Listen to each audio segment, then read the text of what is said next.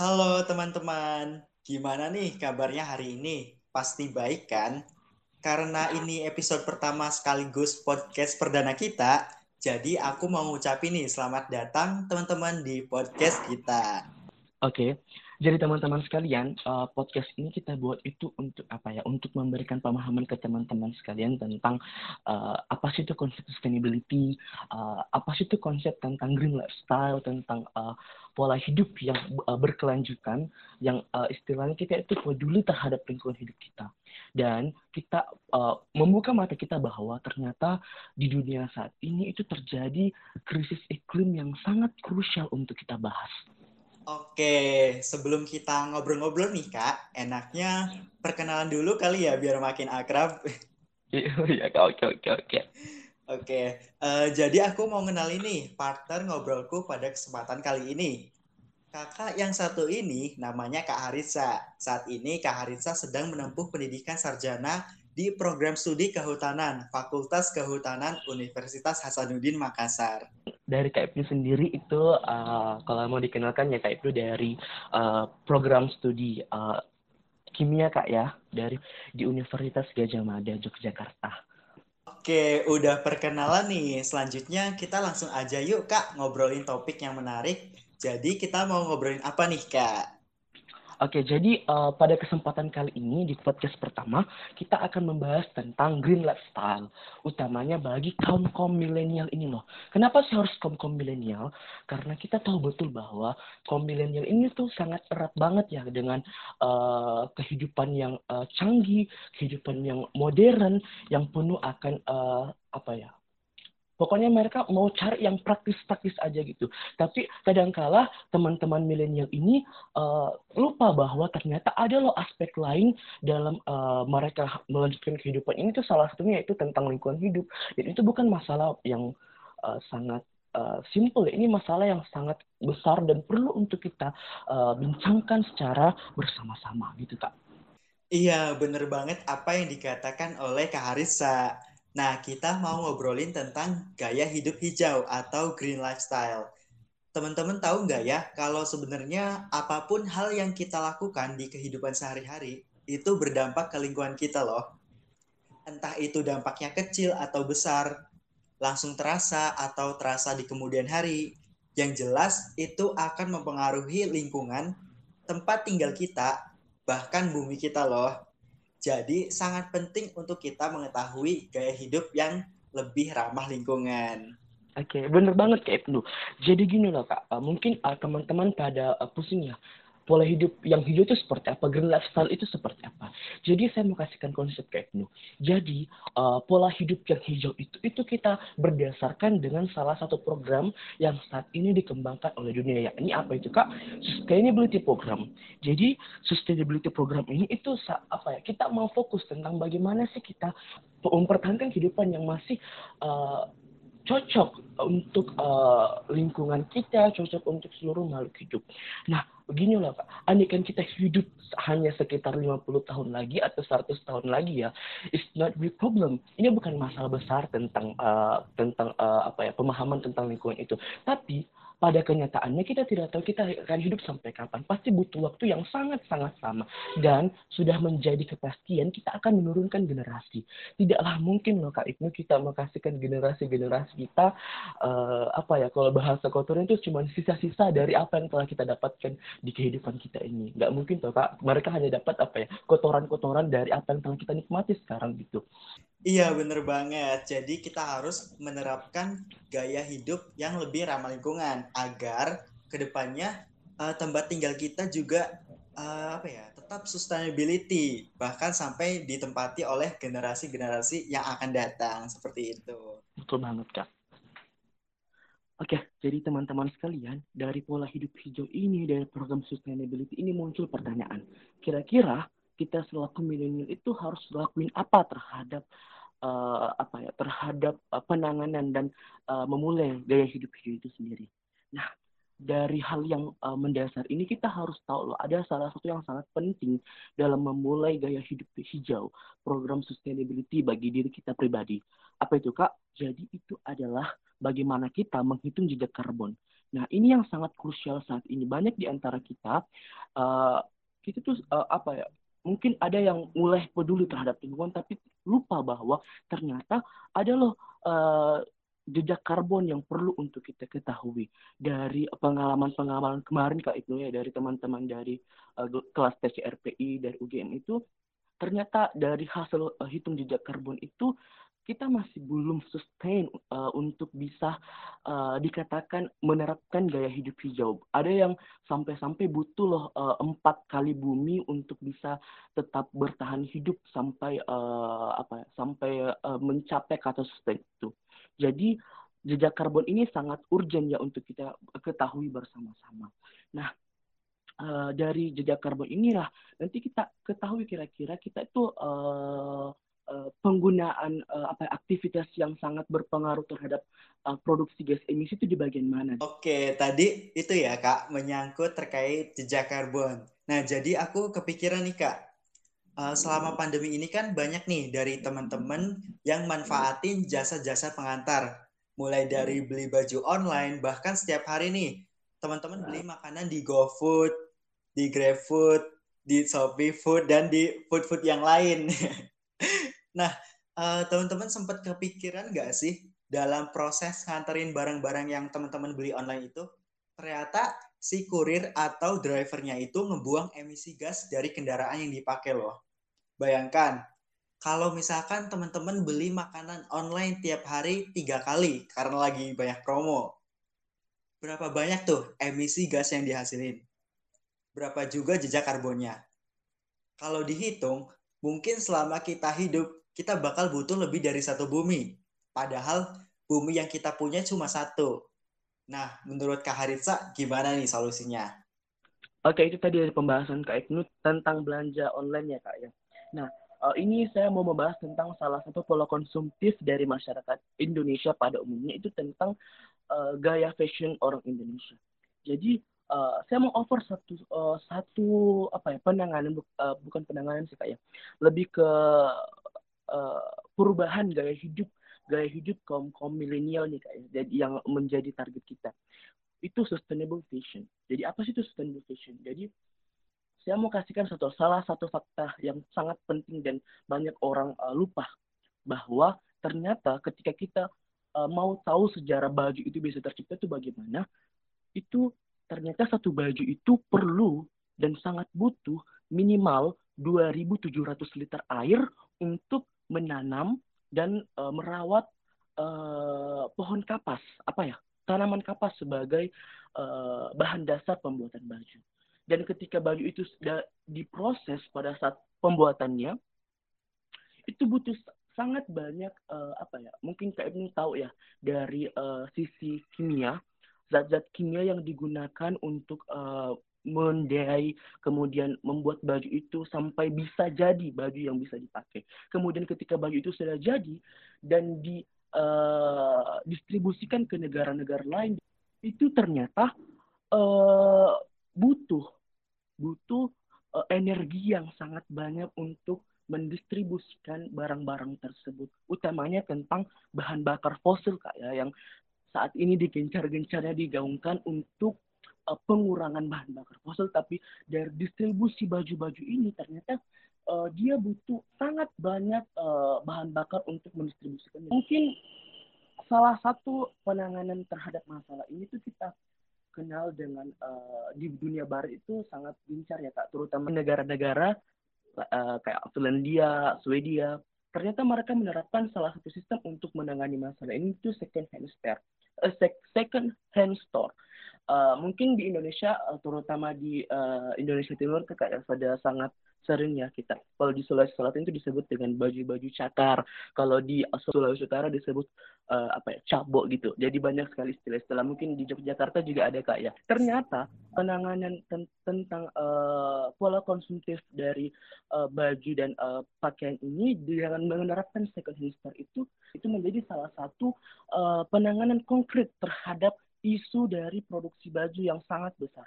Minimal dari program dari uh, tindakan ini itu kita mampu memperpanjang usia baju.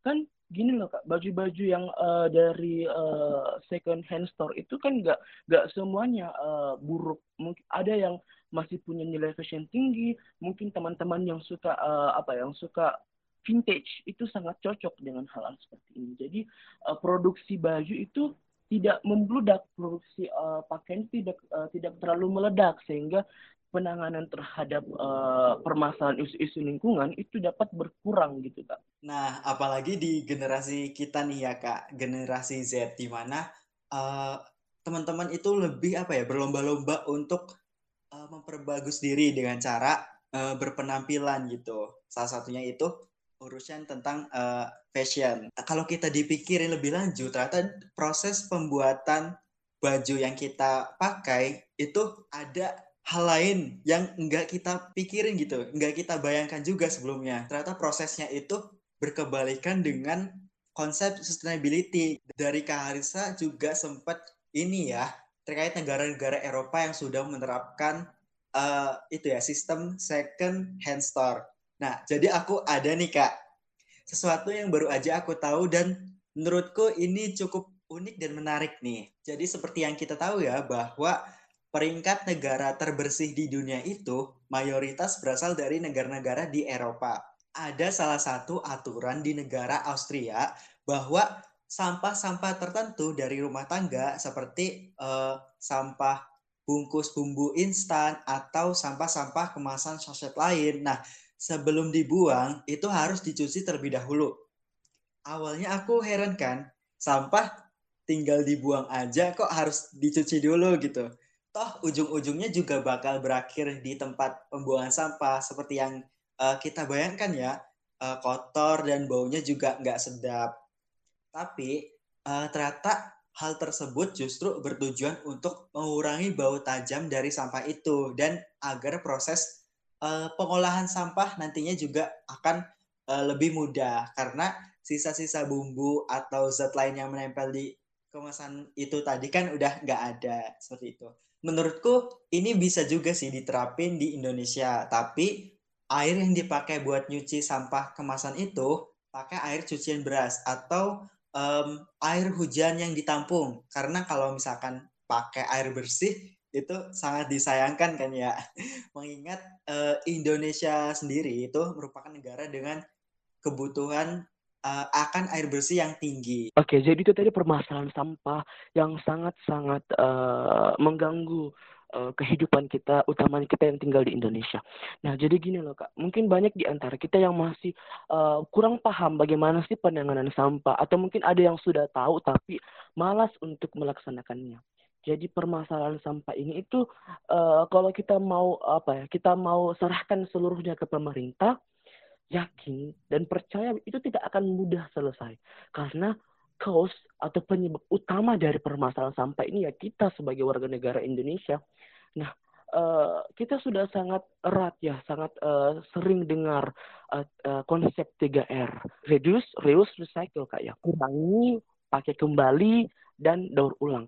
Jadi dari tiga konsep tiga R ini tuh mungkin daur ulang sudah apa sangat sangat apa ya per, apa ya uh, penanganan yang butuh uh, banyak uh, usaha.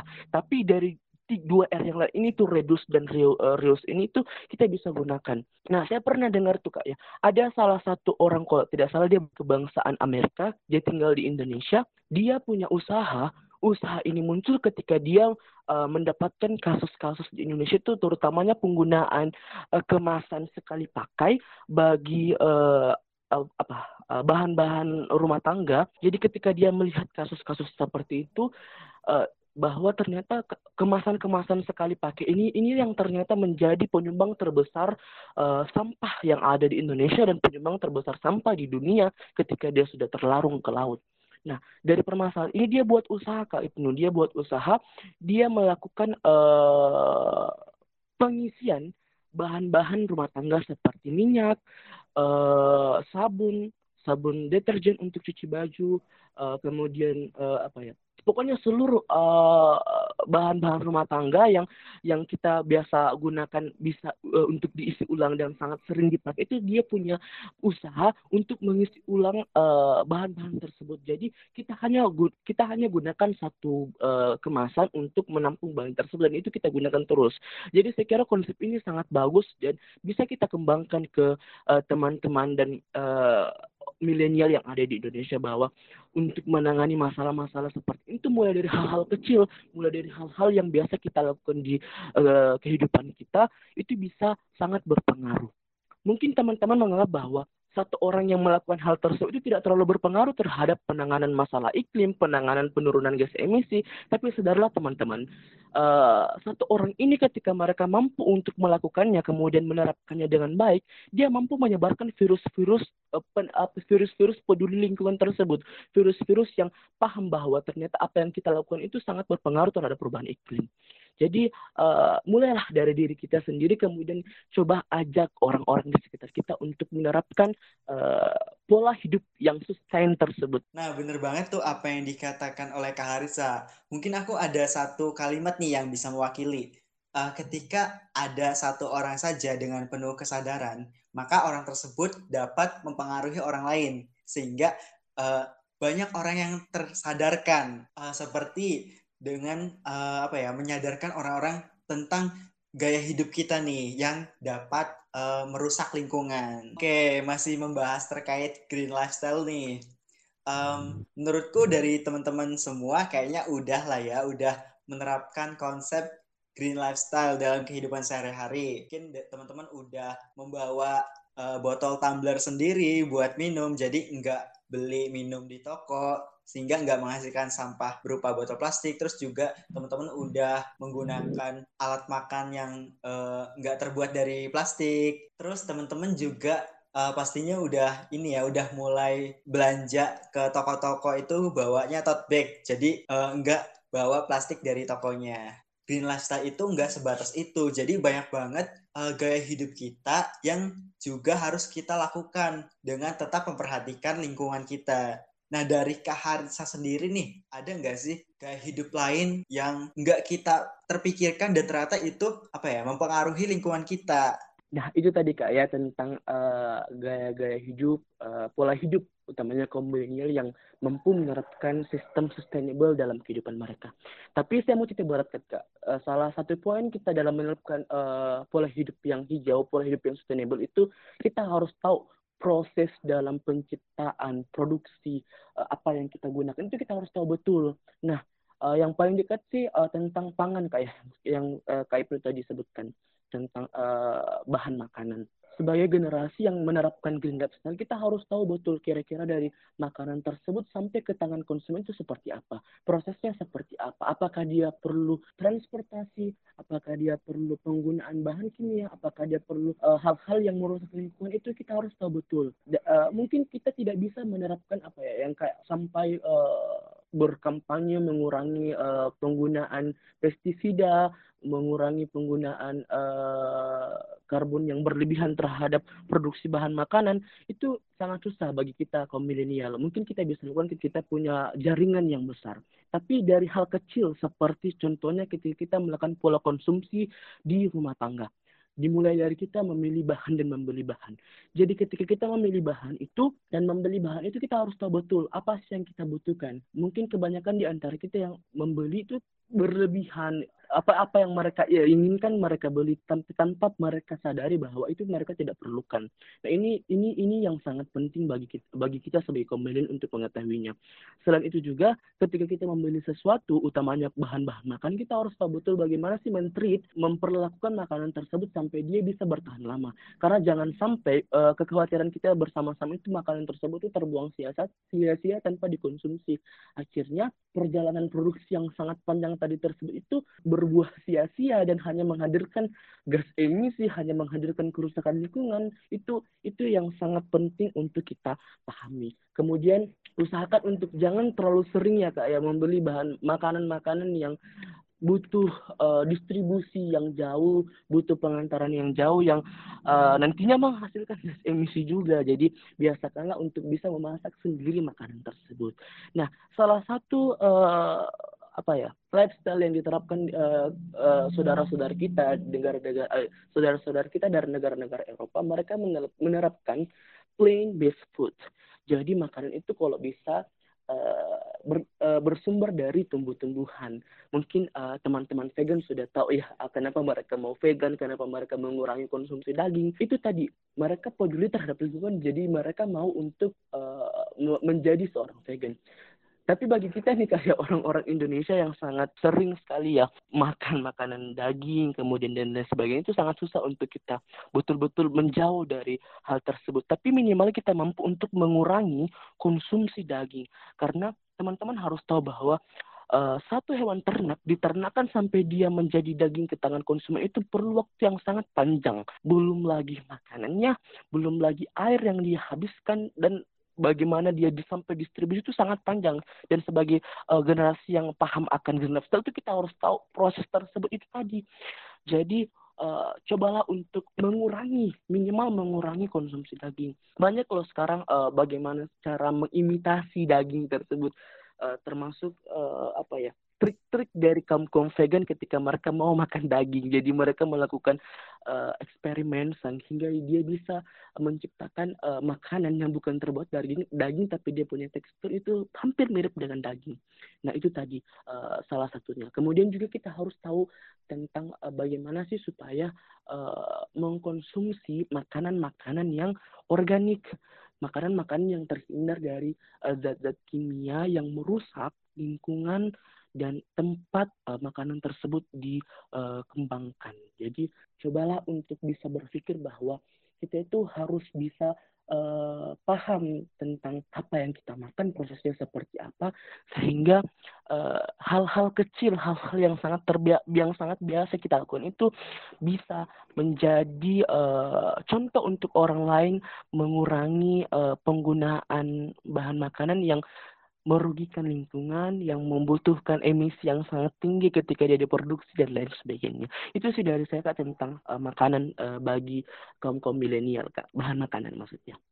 Oke, tadi Kak Harisa sempat itu ya ngebahas tentang plant based food ya. Nah, di mana kita itu harus mengurangi konsumsi terhadap daging. Mungkin aku mau nambah ini, ternyata penyumbang terbesar polutan berupa metan, gas metan di udara itu ternyata bukan dari kendaraan, bukan dari transportasi, ternyata uh, itu berasal dari peternakan. Dari situ uh, teman-teman bisa nih buat mengurangi konsumsi terhadap daging. Oke, aku ada satu hal lagi nih terkait uh, gaya hidup kita yang harus kita perbaiki nih. Mungkin dari teman-teman kita juga banyak ya. Uh, misalkan dari teman-teman mahasiswa nih, kalau ke kampus itu naik kendaraan pribadi, naik motor, sehingga jumlah motor yang lalu lalang di jalan itu banyak ya. Uh, sebaiknya nih teman-teman, kalau misalkan kita pakai kendaraan pribadi dan semakin banyak juga kendaraan di jalanan itu bakalan ngasilin polusi yang banyak nih. Enaknya nih biar polusinya nggak terlalu banyak. Nah teman-teman bisa tuh manfaatin kendaraan umum biar polusinya itu nggak terlalu banyak di jalanan. Lebih baik lagi nih teman-teman bisa naik kendaraan tanpa menghasilkan polusi. Contohnya misalkan naik sepeda ke kampus atau bahkan kalau misalkan jarak dari kos ke kampusnya nggak terlalu jauh, mungkin teman-teman juga bisa jalan kaki. Dengan berjalan kaki juga